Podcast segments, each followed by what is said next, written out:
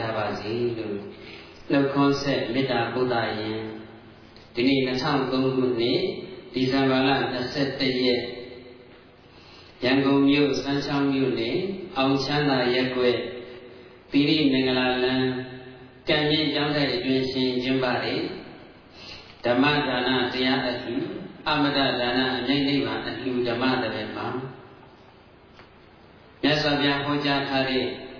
တရားအဆုံးအမဂါထာတစ်ပုဒ်ကိုအနေငယ်ချဲ့ထွင်းပြီးတော့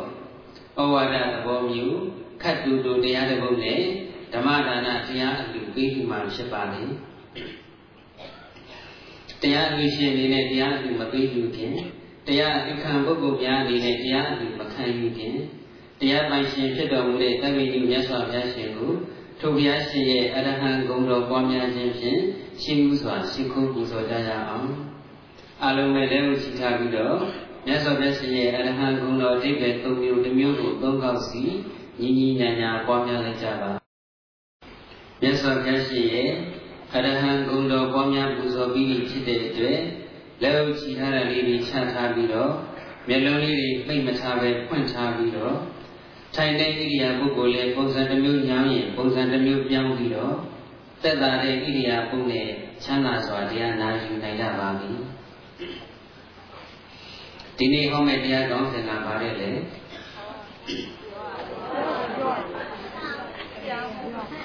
တရားကောင်းစဉ်ကဘာလဲလဲမပြောရသေးဘူးဒါဖြင့်ညီပိမထားတဲ့တရားပေါ့ပထမနေ့ကဟောခဲ့တာကအနေဝဲနေမယ်အဝေးနေမဟုတ်ပါဒုတိယနေ့နဲ့တတိယနေ့မှာဟောခဲ့တာကဝေးနေကောင်းပြီ စရုထနေ့မှာဟောခဲ့တာကအဝေးမှမနေပါနဲ့ပြန်စမနေ့နဲ့သတ္တမနေ့မှာဟောခဲ့တာကဝေးกว่าတိုင်းกว่าဝေးရမှာပါမနေ့ကဟောခဲ့တာကလောက်ဝေးဝေးနီးနီးလေးပါဗျာဘယ်လောက်ဝေးဝေးနီးနီးလေးနေတိုင်းနေတိုင်းဝေးဆိုတဲ့စကားလုံးကြီးမပါဘူးလားပါပါဗျာနေတိုင်းဝေးဆိုတဲ့စကားလုံးကြီးပါနေတော့တရားနာပိသများညီးငွေရောပေါ့မညီးငွေကြဘူးလား ညီးငွေပါဗျာစိတ်ညစ်ကြရောပေါ့စိတ်မညစ်ပါဘူးဗျာစိတ်မညစ်ကြဘူးလားညစ်ပါဘူးဗျာနေတိုင်းဝေးနေကြီး9ရက်ဆက်တိုက်ဆိုတော့တရားနာပိသများညီးငွေနေကြလိမ့်မယ်ပြင်းနေကြလိမ့်မယ်စိတ်ရှုပ်နေကြလိမ့်မယ်စိတ်ကုန်နေကြလိမ့်မယ်ဒါကြောင့်ဒီနေ့တော့နောက်ဆုံးနေ့အပြောင်းအလဲဖြစ်အောင်လို့ခေါင်းစဉ်အသစ်တစ်မျိုးပေးလိုက်ပါမယ်ဒီနေ့ဟောမယ့်တရားကောင်းစဉ်ကဝိမဲ့စကားမပြောပါနဲ့ နေ့တိုင်းဝိမဲ့စကားတွေကြီးပြောလာတာဆိုတော့ညီးငွေတွေကြီးမဟုတ်လားဒါကြောင့်မလို့ဒီနေ့တော့ဗါတဲ့တော့ဝိမဲ့စကားမပြောပါနဲ့တရားပါပဲဝိမဲ့စကားမပြောပါနဲ့ကဲဝိမဲ့စကားမပြောပါနဲ့ဆိုမှတော့မပြောတော့ဘူးနော်တရားထိုင်ခိုင်းပြီးတော့တရားသိမ့်နိုင်ရမရှိတော့လေခုတရားနာပြည်သူများကဝိမဲ့စကားပြောခြင်းတဲ့သူတွေလားနီးမဲ့စကားပြောခြင်းတဲ့သူတွေလား ဝိမဲ့စကားပြောခြင်းတဲ့သူတွေလားနီးမဲ့စကားပြောခြင်းတဲ့သူတွေလားပြောခြင်းတဲ့ပါဗျာပြောခြင်းတဲ့ပါဗျာအိမ်နဲ့နီးမဲ့စကားပါခုတနေ့ကတက်ခခံပြီးမမှတ်သေးဘူးနော်ဝိဒနီးရရဲ့ရှိကဘာနဲ့ဆိုတာလည်းမပါဘဲနဲ့ဉာဏ်ရှိလိုက်တော့အပေလေးဖို့နဲ့လို့ကြည်သူကြီးမေးလိုက်တော့မခံရဘူးလား အပေလေးဖို့နဲ့နီးမဲ့စကားတော့ပြောချင်ကြရဲ့လားပြောချင်ပါဘူးဗျာမပြောချင်ဘူးဒါပေမဲ့ပြောတော့မနေတာဘူးလားအပေလေးဖို့နဲ့နီးမဲ့စကားဆိုတာဘယ်လိုစကားမျိုးတွေလို့ဒုစရိုက်စကားတွေပေါ့ဒုစရိုက်စကားဆိုတာဒုစရိုက်၄ပါးပြောတာပါပဲဝစီဒုစရိုက်၄ပါးပေါ့လေဘုဒ္ဓဘာသာဆိုတာလိညာပြီးတော့ပြောတဲ့စကားမဟုတ်မမှန်ပြောတဲ့စကားလောက်ကြံပြီးတော့ပြောတဲ့စကားအမှားအယွင်းတွေ ပြောတဲ့စကားအဲ့ဒီလိုလိညာတဲ့စကားတွေပြောလို့ရှိရင်လေအပေလေးဖို့နဲ့နီးမှာပဲလိညာတဲ့စကားတွေဆိုတာအပေလေးဖို့နဲ့နီးမဲ့စကားပဲအဲ့ဒီလိုနီးမဲ့စကားတော့မပြောနဲ့ပေါ့နော်ပိသုနာဝါစာဆိုတာဂုံတိုက်တဲ့စကားဂုံတိုက်တယ်ဆိုတာကဘာပြောတာလဲမတည့်အောင်မတည့်အောင်နဲ့တယောက်မတည့်အောင်ဂ တရားနဲ့ရှစ်ခင်နေကြတဲ့သူချင်းချင်းအရှစ်ပြေအောင်စီလုံးညီညွတ်နေကြတဲ့သူတွေချင်းချင်းစီလုံးညီညွတ်မှုပြပြအောင်ပြောတဲ့စကားကို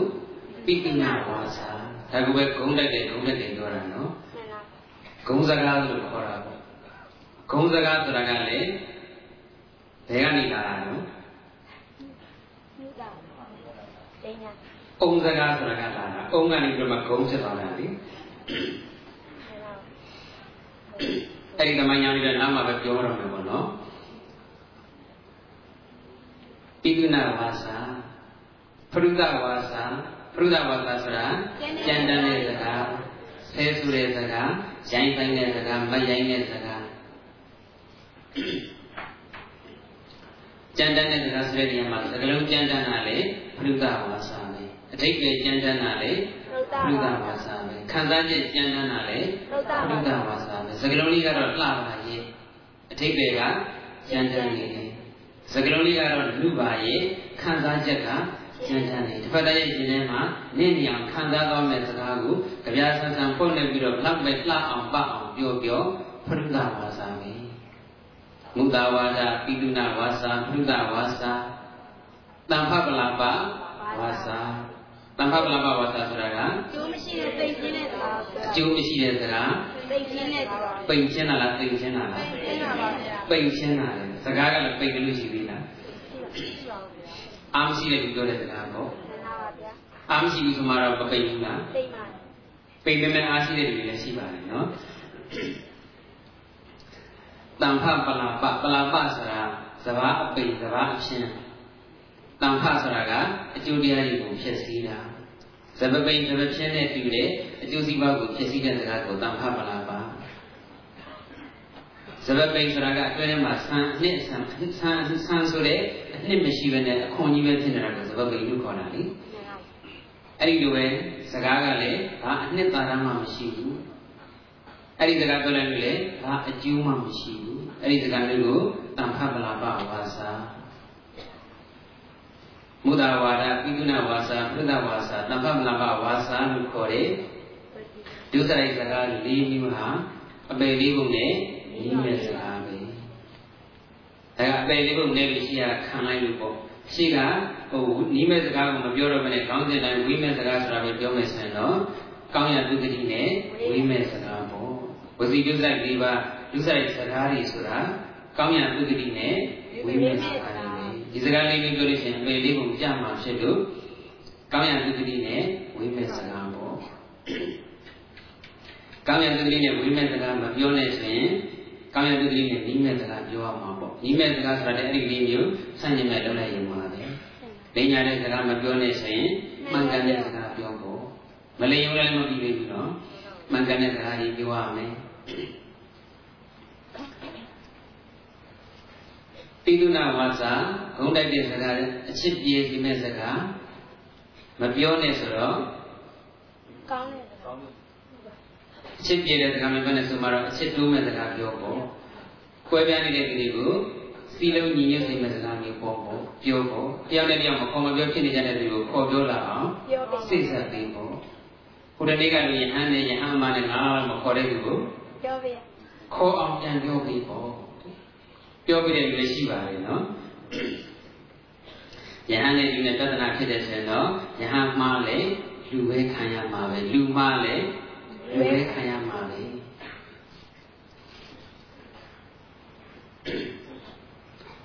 ကျေးဇူးတော်ရှင်မဟာကဏ္ဍဆရာတိုင်းကြီးကလည်းပြောခဲ့ပြီးတယ်ပလက်လန်ပြီးတော့တွေးထွေးလိုက်လို့ရှိရင်ခုပေါ်ပဲပြန်ကြပါလားခုပေါ်ပဲပြန်ကြတယ်ပလက်လန်ပြီးတော့တွေးထွေးခြံအောင်ပေးအောင်ဆိုပြီးတော့လှမ်းပြီးခြံအောင်ပေးမှလားပြန်လာပြီးမှပြန်လာပါ ဒါကြောင့်မလို့ယဟန်နဲ့သူနဲ့ပြဿနာဖြစ်ပြီးမကြည်မလည်ဖြစ်ပြီးစမပြေဖြစ်ပြီးဆိုရင်ဘယ်သူကလျှော့ပေးရမှာလဲလူကလျှော့ပေးရမှာပါဗျာလူကလျှော့ပေးရမှာယဟန်မှားတာကိုမှားလို့ဆိုပြီးလျှော့မပေးလေယဟန်ခံရမှာမဟုတ်ဘူးလူပဲခံရမှာယဟန်မှားတာကိုမှားမှရတဲ့နဲ့အမှားလို့ပြီးတော့လူကပြန်မှားလေလူပဲခံလူပဲခံရမှာအဲကြောင့်မလို့သဏ္ဍာန်ရှင်မင်းကြီးတို့သုံးလို့လူမှုဆိုပြီး မြင်တော့ဘာကြည့်လိုက်လို့သင်္ကန်းကိုကြည့်လိုက်ကြည့်လိုက်တယ်သင်္ကန်းမြင်လိုက်တော့မဟုတ်ဆိုးကျင့်စာရိတ္တမကောင်းတဲ့လူတသမမှန်သိလိမ့်မယ်မတတ်တော့ဘူးလေရှော့မတုံ့ပြန်ဘူးသိပဲခံလိုက်တယ်ပေါ့အစွဲဖြတ်ခံလိုက်တယ်သင်္ကန်းကိုလေးစားတာနော်အဲ့ဒီလိုပြောလိုက်လို့မခေါ်တဲ့ယဟန်မကြီးကိုပြောတာမဟုတ်ပါဘူးသဘောပြောတာနော် ပိသုနာဝါစာဂုံးတက်တဲ့စကားမပြောဘူးချစ်ကြတဲ့စကားမပြောဘူးဆိုရင်မပြောပဲရှာယူနေတယ်မပြီးသေးဘူး။ဟိုငါဘယ်သူမှဂုံးတက်ကမှမဟုတ်တာဆိုပြီးတော့နှုတ်ပိတ်ပြီးတော့ဝစီပိတ်နေလည်းမပြီးသေးဘူး။အပါလေးညုံနေလည်းမပြီးသေးဘူး။ကိုယ်နဲ့မဆန်တဲ့ကိစ္စဝင်မရှိတော့ပါဘူးလေဆိုပြီးတော့ဖာတိဖာလာနေုံနဲ့လည်းမပြီးသေးဘူး။ကိုယ်နဲ့နိစ္စရမှာပြောင်းလိုက်ကြမသိမမြတ်ဖြစ်နေတယ်ဆိုရင်သိမြအောင်စိတ်ဆက်ပြရမှာပဲ။ မုဒ္ဒဝါဒဣဒုလဝါစာဖုဒ္ဒဝါစာကြမ်းကြမ်းတဲ့စကားကိုမပြောဘူးဆိုရင်ကောင်းတဲ့ကျန်တဲ့စကားကောင်းတဲ့ကျန်တဲ့စကားဆန့်ကျင်မဲ့ဆိုတော့ညဉ့်ညံ့တဲ့စကားပြောဖို့သိမ်မွေးတဲ့စကားပြောဖို့လှပတဲ့စကားပြောဖို့လူညာနဲ့သိမ်မွေးတဲ့ဆိုတဲ့နေရာမှာလည်းစကလုံးသက်သက်တည်းမဟုတ်ဘူးနော်စကလုံးလည်းလူညာရနံဖပလာပဆိုတာအကျိုးမရှိတဲ့စကားအကျိုးမရှိတဲ့စကားကနိဗ္ဗာန်အဲကောင်းတဲ့သူကြီးနဲ့ဝိမဲ့စကားဆိုတော့ကျိုးရှိတဲ့စကားကကောင်းတဲ့သူကြီးနဲ့ဝိမဲ့စကား ဝိမဲ့စကားမပြောပါနဲ့ဆိုတာဝစီတုစိုက်၄ပါးနဲ့ကြည့်မယ်ဆိုရင်ဝစီတုစိုက်၄ပါးဒုစရိုက်စကား၄မျိုးကိုမပြောပါနဲ့သူ့ရဲ့ဆန့်ကျင်ဘက်တွေနဲ့သူ့ရဲ့ဆန့်ကျင်ဘက်မာနာတွေညီညွတ်စေမာတွေဉာဏ်သိဝေတာတွေအကျိုးရှိတာတွေပြောရမယ်ဒါဆိုရင်တရားကမပြီးနိုင်ဘူးလားပြီးနိုင်တာပဲ ဒါကကိုမြတ်စွာဘုရားဟောကြားတဲ့ဂါထာတစ်ပုဒ်ကိုနည်းနည်းလေးရှင်းသွင်းပြီးတော့ဒီတန်းခံခဲ့တော့မြတ်စွာဘုရားဟောတဲ့ဂါထာတစ်ပုဒ်ကိုမပြောခင်နည်းနည်းလေးဒီတန်းပြူလိုက်တာပေါ့မြတ်စွာဘုရားဟောတဲ့ဂါထာကတော့ပရဝိစ္ဆာနုပတိကနေသံဥစ္စာနာတင်ကြီးနော်အာတဝါတတဝဋ္ဌံတိအာရာသောအာတဝက်ခယာဒီဂါထာလေးတစ်ပုဒ်ကိုပဲဟောရမှာနည်းနည်းလေးပဲချက်ထတယ်နည်းနည်းမချက်ထလို့နော် ပရဝိဇ္ဇာနုပသိတာနေသံဥစ္စာနာသိညိနောအတဝါတတဝဋ္ဌံတိအာရာသောအာတဝခယဝိတရားတစ်ခုကိုကံလိုက်ရာကနေဝိဆိုတဲ့စကားလုံးပါတဲ့မြတ်စွာဘုရားဆုံးမလေးကြီးအာယုံပေါ်လာရာစုစည်းပြီးတော့အခန်းဆက်အခန်းဆက်ဆိုတော့ကောင်းပြီးထူတဲ့အခန်းဆက်တော့မဟုတ်ဘူးပေါ့လေနေပြည့်ဆက်ဟောပေးတာပါအဲ့ဒီမှာအာရာဆိုတာဝေးတယ်လို့သိကြရသူတစ်ပါးရဲ့အပြစ်ကိုပဲ အမြဲတမ်းကြည်နေတဲ့လူသူတစ်ပါးကိုကိတ်ရဲ့လူတဲ့စိတ်အမြဲတမ်းရှိနေတဲ့လူရဲ့တန်တန်မှာအာသဘောတရားတွေပဲတူပွားနေပါလေသူတစ်ပါးရဲ့အပြစ်ကိုပဲအမြဲတမ်းစဉ်းစားနေတဲ့လူသူတစ်ပါးကိုကဲ့ရဲ့ရှုထလူတဲ့စိတ်အမြဲရှိနေတဲ့သူဟာအာသဝတရား၄ပါးရဲ့ကုံညာနိဗ္ဗာန်မှအဝေးကြီးဝေးပါလေဒါဘုရားဆုံးပါပဲနော် လူရင်းပြလိုက်တော့သူများအပြစ်ပဲအမြဲတမ်းကြည့်နေတဲ့သူသူများကိုအမြဲတမ်းကြည့်ရရှုချနေတဲ့သူဟာအာသဘောတရားတွေလည်းတူပါတယ်နိဗ္ဗာန်နဲ့လည်းဝေးပါတယ်ဒါဆိုသဘောပေါက်ပြီပေါ့နော်သူများပြည့်ပဲအမြဲတမ်းပြောနေတဲ့သူဟိုအမြဲတမ်းကြည့်နေတဲ့သူကြည့်တယ်လို့ဆိုပေမဲ့သူများပြည့်ကိုကြည့်တဲ့ပုဂ္ဂိုလ်ကကြည့်ုံနဲ့ပြီးတာလားပြောလဲပြောသေးတာလားပြောလဲပြောပါပြောသေးတာသူများပြည့်ပဲအမြဲတမ်းတွေးနေတဲ့သူကြည့်နေတဲ့သူစဉ်းစားနေတဲ့သူကစိတ်ထဲ နဲ့သိထားတာမဟုတ်ဘူးပါဇက်ကပါထုတ်ပြီးပြောတာဒါပြောတဲ့အဆင့်မှာပြဿနာတွေဖြစ်ကြတာဒါကြောင့်မလို့ဝိမဲ့စကားမပြောပါနဲ့လို့ကောင်းစဉ်တတ်ထားတာဝိမဲ့စကားမပြောပါနဲ့ဆိုပေမဲ့အပြည့်စုံကတော့ဝိမဲ့အတွေ့မတွေးပါနဲ့ဝိမဲ့စကားမပြောပါနဲ့ဝိမဲ့အလုပ်မလုပ်ပါနဲ့ချက်ပြီးတော့ယူရမှာပေါ့နော်ပရဝိဇ္ဇာလူပတိတာသူတစ်ပါးရဲ့အပြစ်ကိုပဲအမြဲတမ်းကြည့်နေတယ် ဘယ်လိုပုံပုံမျိုးလဲဆိုတော့ဥစ္စာနာတင်ကြီးသူတစ်ပါးကိုကဲ့ရဲ့ခြင်းနဲ့စိတ်ရှိတဲ့ပုဂ္ဂိုလ်သူတစ်ပါးကိုကဲ့ရဲ့ဖို့အပြစ်တင်ဖို့ပဲကဲ့ရဲ့ခြင်းနဲ့စိတ်အပြစ်တင်တဲ့စိတ်ပဲကိန်းဝတ်နေတဲ့ပုဂ္ဂိုလ်ကဲ့ရဲ့ခြင်းနဲ့သူတစ်ပါးကိုကဲ့ရဲ့ခြင်းနဲ့စိတ်အပြစ်တင်ခြင်းနဲ့စိတ်အားကြီးနေတဲ့ပုဂ္ဂိုလ်ဟာသူတစ်ပါးရဲ့အပြစ်ကိုပဲအမြဲတမ်းကြည့်ပါမယ်အဲ့တော့ဥစ္စာနာတင်ကြီးဆိုတဲ့စကားလုံးလေးမြင်လိုက်တော့ဦးဇင်းတို့ကိုရင်ဘဝကလေးက ကြက်ခဲ့တဲ့သိခိယသိက္ခာပုဒ်တစ်ခုကိုသွားသတိရတယ်။နပရိတံပတ္တံအဲနာဥက္ကနာပိညိပရိတံပတ္တံဩလောကိတမိတိသိက္ခာကရဏီယသိခိယကြက်ဘူးလေးတွေဆိုတော့သိမှာပေါ့နော်။ဒါကြိုင်းဘုလိုမလို့ငယ်ငယ်တုန်းကကြက်ဘူးလားသိခိယမကြက်ဘူးနဥဇာနတိတိပရိသံပတ္တံဩလောကိတံမိတိသိက္ခာကရဏီယာ ကဲ့ရဲ့လူတဲ့စိတ်နဲ့သူတစ်ပါးရဲ့သပိတ်ကိုမကြည့်ပါဘူးဆိုတဲ့အကျင့်ကိုကျင့်ရပါမယ်။ဆွမ်းစားနဲ့ပတ်သက်တဲ့သိက္ခာပုဒ်တွေကတစ်ခုပေါ့။သူများသပိတ်ကိုကဲ့ရဲ့လူတဲ့စိတ်နဲ့မကြည့်နဲ့တဲ့ကြည့်ရင်အန်းဆိုရင်လည်းဒုက္ခအပတ္တနဲ့ရန်ကိုရင်ဆိုလည်းတန်ထိုက်တယ်တန်ထားရမယ်ပေါ့။အကျက်ကသူများသပိတ်နှမ်းကြည့်တယ်လေဆွမ်းစားပြန်လာတဲ့စိတ်သပိတ်လေးဖွင့်ကြည့်ဟမ်ဘာဟင်းမှလည်းမပါဘူး။ဘယ်ဟာကြောလေးတစ်ခုနဲ့နဲ့မုံမြင့်ရင်လေးတစ်ခွက်ချင်းနဲ့ ပရိမမစိတ်တာဘယ်ရပါ့မလဲတရားမှအာမှုတာဘယ်ရပါ့မလဲဒီလိုမကဲ့ရကြဘူးလားကဲ့ရကြလားကဲ့ရဘူးလေပေါ့နော်ဘုန်းကြီးကျလည်းအဲ့လိုသူများတဲ့ကိုကဲ့ရတဲ့စိတ်နဲ့မကြည့်နဲ့တဲ့လူကြတော့ဘုန်းကြီးတပိတော့လမ်းမကြည့်ဘူးပေါ့သူများအိမ်ကသမင်းစားနေတယ်သွားတူသမင်းတော့လမ်းမကြည့်ဘူးလားဘာဟင်းနဲ့ညာစားပါလဲလို့ ဖြစ်တယ်လို့လေးစားနေတယ်ဆိုလို့ရှိရင်ပတ်စံလေးတော့ရှိနေပြီးတော့ထောင်မကြည့်ရကြဘူးလားသူများစားတာတော့တကြည့်ပြီးတော့လေကြည့်ရတာဝိတ္တစားတာလည်းမကြည့်ဘူးလားလူမြင်လိုက်တဲ့ဘာဝိတ္တလေးကြည့်နိုင်သေးလားအကြီးဝဇ္ဇလေးကနွားနေတယ်ဆိုသင်သိလိုက်သေးတယ်ပတ်စံရှိမှကိုယ်သိထားရတဲ့နဲ့ဖြစ်တယ်လို့လေးနွားနွားပါပါလေးဝတ်လာတဲ့ဆိုရင် ရှိရတဲ့မဟုတ်ဘူးဆိုတော့လည်းကြည့်ရအောင်ပါနော်အကြောင်းမသိပဲနဲ့တဏှာရမှာဟောဘုန်းကြီးကြောင့်ကိုဧတရီလာကြတယ်ဆိုတော့သူကဘလို့စနေရှိတယ်ဘလို့ရှိနေရှိတယ်ကိုယ်သိတာမဟုတ်ဘူးဟောလည်းပဲအရေးပေါ်အိမ်ကနေဟိုအကြောင်းမျိုးကြောင့်ပေါ့လေဝိစားတွေပါလေကောင်းကောင်းလဲလာဖို့အချိန်မရလို့အိမ်ဝတ်တာလေးနဲ့တီးလာတယ်အခုမပြောနေရမပြေးတဲ့လူလည်းရှိဘူးလားအဝိစားဒီပါကြည့်တာလို့ ကဲငကသေးတာနဲ့ငကကြီးတာဘယ်သူချင်းကြီးလို့ကြီးတာငကကြီးတာလည်းချင်းကြီးတယ်အတူကြီးကြီးနေပဲလို့ပါပြင်တဲ့ကိုလည်းနှမ်းကြည့်ရပါကြည့်တာနော်ကဲမဖြေတော့ဘူးဖြေတာဖြေတာဘာဖြစ်လဲပြောပြကောင်းတာပေါ့နော်လက်နှမ်းကြည့်တဲ့လက်စလက်ကြီးကြီးနဲ့လက်စသေးသေးဘယ်သူချင်းကြီးနော် ဦးရှင်ဝင်လက်စော်ပြရတယ်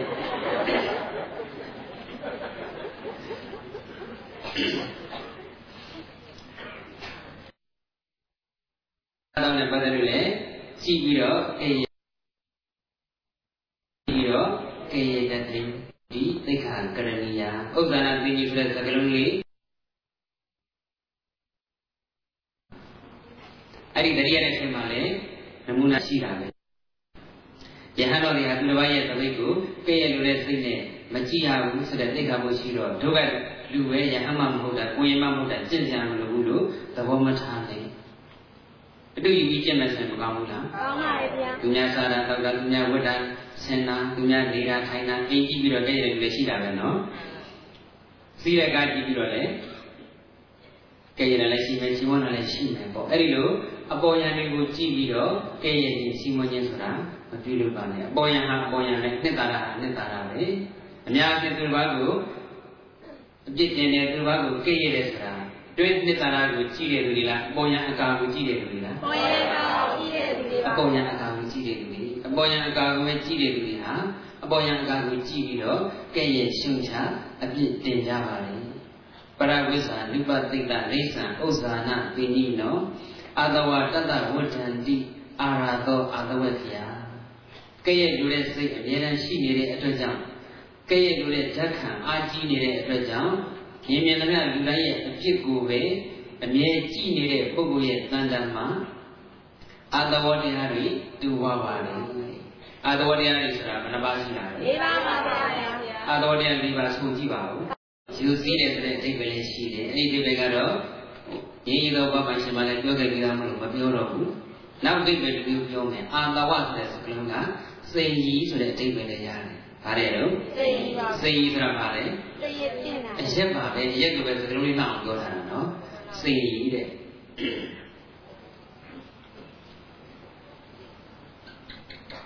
ဆန်ဆန်နဲ့လည်းပဲအရက်ကလို့မရဘူးလားကြံနဲ့လည်းပဲအရက်လို့ရတယ်အပြီးမျိုးစုံရရက်လို့ရတာပဲ စပစ်တိနဲ့ရက်လို့မရဘူးလားရပါတယ်ဗျာရတာပဲအဲ့တော့ဆံတို့ကြံတို့တတိတဲ့နှံတွေသိဥတခုတွေကိုအကြာကြီးပုတ်ခံပြီးတော့စိန်လာလိုက်တယ်စိန်လာကြာကြာလာတော့မှအဲ့ဒါလေးကိုရက်ဆိုပြီးတော့ပြုပြင်ဖန်တီးလိုက်တာလက်ချက်ကအနံဆူလာနံကောင်းနင်းဆိုးပါတယ်ဗျာတောက်ခုတဲ့ပုံကောက်ဘူးပါဘူးဘယ်တော့မှအနံ့ရအောင်ရက်နံဆူတဲ့ဆိုတာကောက်ပါပါရေတော့ဟဲ့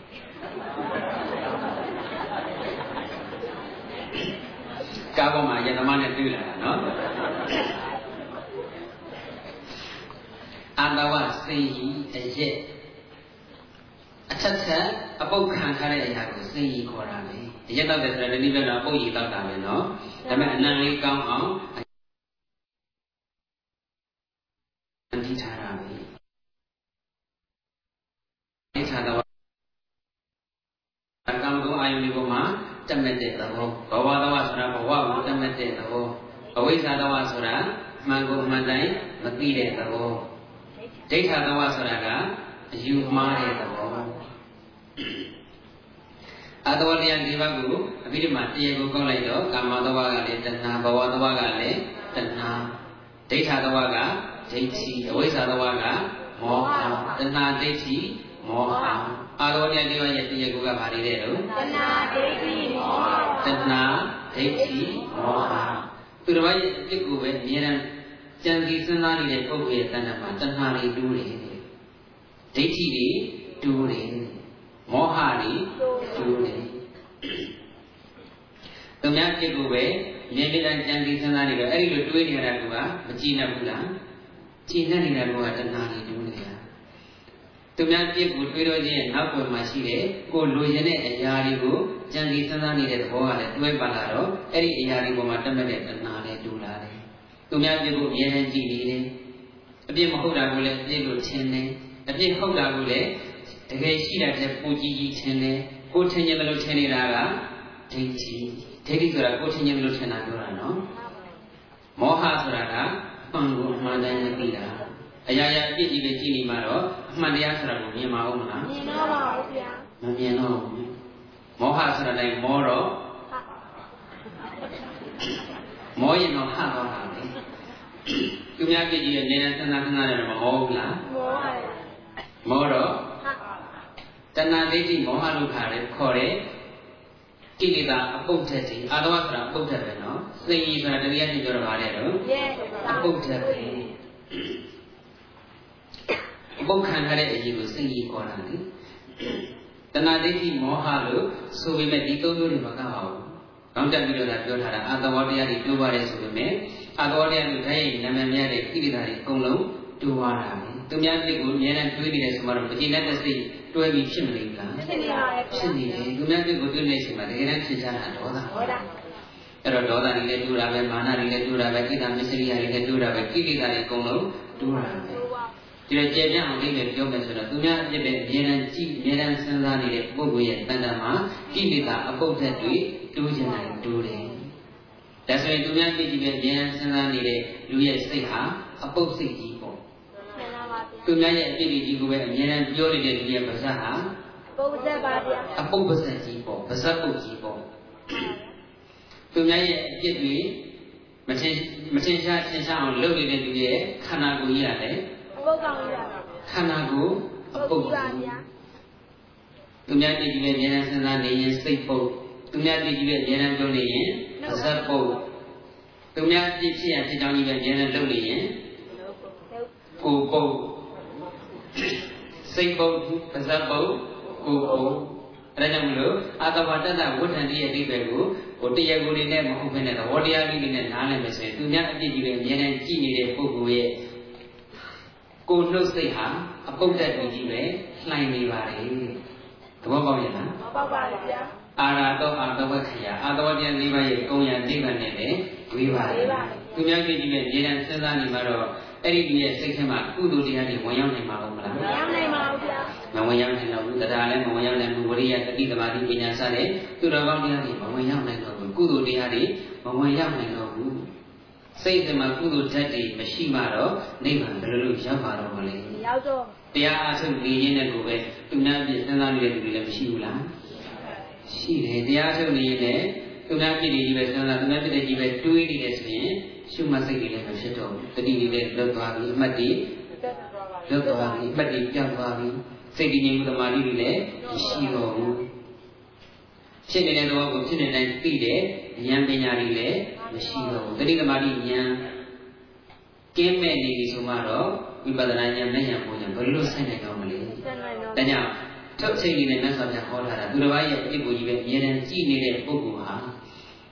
ကိုယ်နှုတ်စိတ်ပုတ်ပါတယ်တဲ့အဲ့ဒီအပုတ်တက်တွေကင်းတဲ့နိဗ္ဗာန်ကိုလည်းဘရောမှမရောက်နိုင်မဲ့နဲ့နိဗ္ဗာန်နဲ့ဝေးချင်တယ်ဝေးနေပါလိမ့်ဒါဆိုရင်ဝေးမဲ့စကားမပြောပါနဲ့ဆိုတာသူတစ်ပါးရဲ့အဖြစ်တွေပြောရပါနဲ့ သဘောပေါက်တယ်မလားမှန်ပါပါဗျာကဲဒါဆိုရင်သူတစ်ပါးဖြစ်ပြောခြင်းနဲ့ပတ်သက်တာလေးနည်းနည်းလေးချက်ရမှာပေါ့ကဲဘယ်လိုချက်ကြလဲသူတစ်ပါးရဲ့အပြစ်ဆိုတာဘယ်လိုလူကြီးပြောတတ်တယ်ကိုယ့်ကိုယ်ကိုအမြဲတမ်းအထင်ကြီးနေတဲ့ပုဂ္ဂိုလ်ဟာလည်းသူများအပြစ်ပြောတတ်တယ်ကိုယ့်ကိုယ်ကိုအရန်အထင်ကြီးတော့သူများကိုအထင်သေးတယ်သူများမှာကောင်းကွက်ကလေးတစ်ခုရှိရင်လည်းအထင်မကြီးခြင်းတဲ့အတွက်ကြောင့်အထင်သေးကြအပြစ်ဖြစ်အောင်လုပ်လိုက်တယ် ကောင်းကွက်ကိုလည်းအပြစ်ဖြစ်ကိုယ်စိတ်ကဖန်တီးလိုက်တယ်ကောင်းကွက်ကိုကောင်းကွက်လို့မြင်လာလားအပြစ်လို့မြင်လားအပြစ်လို့မြင်တယ်ကောင်းကွက်လို့မြင်လိုက်စီကအထင်ကြီးနေတာမဟုတ်ဘူးကိုယ့်ကိုယ်ကိုသိထင်ကြီးတော့ဘယ်သူမှအထင်မကြီးခြင်းဘူးအလုံးကိုထင်သေးခြင်းတယ်ကိုယ့်ကိုယ်ကိုသိထင်ကြီးလို့တဲ့ပုဂ္ဂိုလ်လည်းသူများရဲ့အပြစ်ပေးကြီးရဲ့မြေတံစဉ်းစားပါလေကဲနောက်ဘယ်လိုလူတွေပြည့်မြင်အောင်မလို့လောဘကြီးတယ်ကိုယ့်ရဲ့ရပိုင်ခွင့်အတွက် သူတစ်ပါးရဲ့ရပိုင်ခွင့်ကိုဖြစ်လို့ဖြစ်စီလုပ်ချင်တဲ့ပုဂ္ဂိုလ်တွေဟာလည်းသူတစ်ပါးရဲ့အပြစ်ကိုအမြဲတမ်းကြည့်နေပါလေသူတို့ကအပြစ်မရှိတာကိုလည်းအပြစ်လုပ်မယ်ရှိတဲ့အပြစ်ကလေးကိုလည်းသေးသေးကိုကြည်ကြည်လုပ်မယ်သူများမှာအပြစ်ရှိတယ်ဆိုတော့မှသူ့ရဲ့ပိုင်ဆိုင်မှုတွေကိုသူနဲ့ကင်းကွာသွားအောင်လုပ်လိုက်မယ်ပြီးတော့မှအဲ့ဒီပိုင်ဆိုင်မှုကိုကိုရယူမယ်သူတော်ရဲ့ပိုင်ဆိုင်မှုကိုမတော်မတရားယူရတဲ့ပုဂ္ဂိုလ်ဟာလည်းသူများရဲ့အပြစ်ကိုပဲအမြဲတမ်း ချောင်းချောင်းကြည့်ရှုနေပါလေဘယ်အပြစ်တွေရင်ဘလို့ဒုက္ခပေးရရမလဲဆိုတာပဲစဉ်းစားနေတော့တာပေါ့နောက်ဘယ်လိုလူကြီးပြောအောင်မလဲဝါဒကြီးရဲ့တစ်ဖက်သားရဲ့ဆန္ဒကိုထက်မတွက်တဲ့ပုဂ္ဂိုလ်အဲ့ဒီလိုပုဂ္ဂိုလ်မျိုးဟာလည်းသူတစ်ပါးရဲ့အပြစ်ကိုပြောမှာပဲအမြဲတမ်းကြည့်တယ်မဟုတ်တော့မှ ရှင်နေခွင့်ရသိနိုင်ရင်ကြည့်မှာပေါ့လူတရားနဲ့တရားဆန္ဒဆိုတာတူညီရရဲ့လားတူညီပါဘူးတူညီဘူးတရားနဲ့တရားဆန္ဒချင်းမတူညီကြဘူးလူဆိုတာတူတူတရားဖြစ်နေလို့များတဲ့အတွက်အများနဲ့စုပေါင်းနေရတယ်အဲ့ဒီခါမှာတရားဆန္ဒကိုတယောက်ကနားလည်မှုပေးရမယ်တိုင်လျောမှုပေးရမယ်ကိုယ်ဆန္ဒကလည်းအမှန်သူတစ်ပါးရဲ့ဆန္ဒဟာအမှန်ကိုယ်ဆန္ဒတိုင်းပဲ သူတစ်ပါးလုပ်ရမယ်ဆိုတဲ့စိတ်မျိုးမွေးလိုက်ပြီဆိုရင်တော့ကိုယ်ဆန္ဒနဲ့ဆန့်ကျင်တဲ့အချက်လက်လေးတွေအကြောင်းအရာလေးတွေတွေ့လိုက်တာနဲ့အပြစ်လိုပဲမြင်တော့တာဆန္ဒဆိုတာကကောင်းတက်ပြီးပြောလိုက်တာပေါ့ဆန္ဒလို့ခံစားချက်တို့လိုအပ်ချက်တို့ဘဝတန်ဖိုးတို့ကိုယ်တန်ဖိုးထားတဲ့အရာနဲ့သူတစ်ပါးတန်ဖိုးထားတဲ့အရာနဲ့တရားနဲ့တရားချင်းမတူဘူးခံစားချက်ချင်းမတူဘူးဆန္ဒချင်းမတူဘူးဝါဒနာချင်း မတူဘူးအဲ့ဒီမတူညီတဲ့သဘောတရားတွေကိုနားလည်မှုမရှိတဲ့မိဘကခင်ဟောင်းပြီးလေးမှကြိုက်တယ်တာသမီးကခေပေါ်တဲ့ချင်းလေးမှကြိုက်တယ်ခင်ဟောင်းနဲ့ခေပေါ်လိုပဲပြောလိုက်တာပေါ့အဲ့ဒါတချို့မိဘတွေကြတော့တာသမီးတွေကခေပေါ်တဲ့ချင်းလေးဖွင့်လို့ဆိုပိတ်လိုက်ပိတ်လိုက်မင်းတို့တဲ့ချင်းလေးကဘာလို့မှလည်းမသိဘူးဟောမိဘဆိုတော့လည်းတာသမီးပေါ်အရှင်မရှိနေတော့ပိတ်ထလိုက်တော့တာသမီးကလည်းဘာမှမဖွင့်ရတော့မိဘသိမှပဲတချင်းသားမှောင်းတဲ့သဘောဖြစ်နေတယ် မိဘကဖျောင်းလေးခွင်သာသမီကမကြိုက်ဘူးလေပိတ်လိုက်ပါပိတ်လိုက်ပါလို့ပြောလို့ရလားမရပါဘူးပြောမရတော့မခံရဘူးလားမကြည်တဲ့စိတ်ကြီးဖြစ်အဲ့ဒီလိုနဲ့မိဘနဲ့သာသမီမကြည်နေကြတာရှိတယ်ကိုကလူကြီးမလို့ခင်ဟောင်းလေးကြိုက်တယ်သာသမီကကိုကြိုက်တဲ့ခင်ဟောင်းလေးကိုလိုက်ကြရမယ်လို့ပြတ်ထမ်းလို့ရပါမလားမရပါဘူး။အရာသူကြိုက်တဲ့ကြိုက်မယ်မကြိုက်တဲ့မကြိုက်ဘူးပေါ့ ကိုချင်းစာတဲ့စိတ်ကလေးရှိရမယ်ငါခင်အောင်ပြီးကြိုက်တယ်လို့ငါသားငါသမီးတွေလည်းသူတို့ခက်အရာပေါ်တဲ့ခက်ပေါ်တီတွေကြိုက်မယ်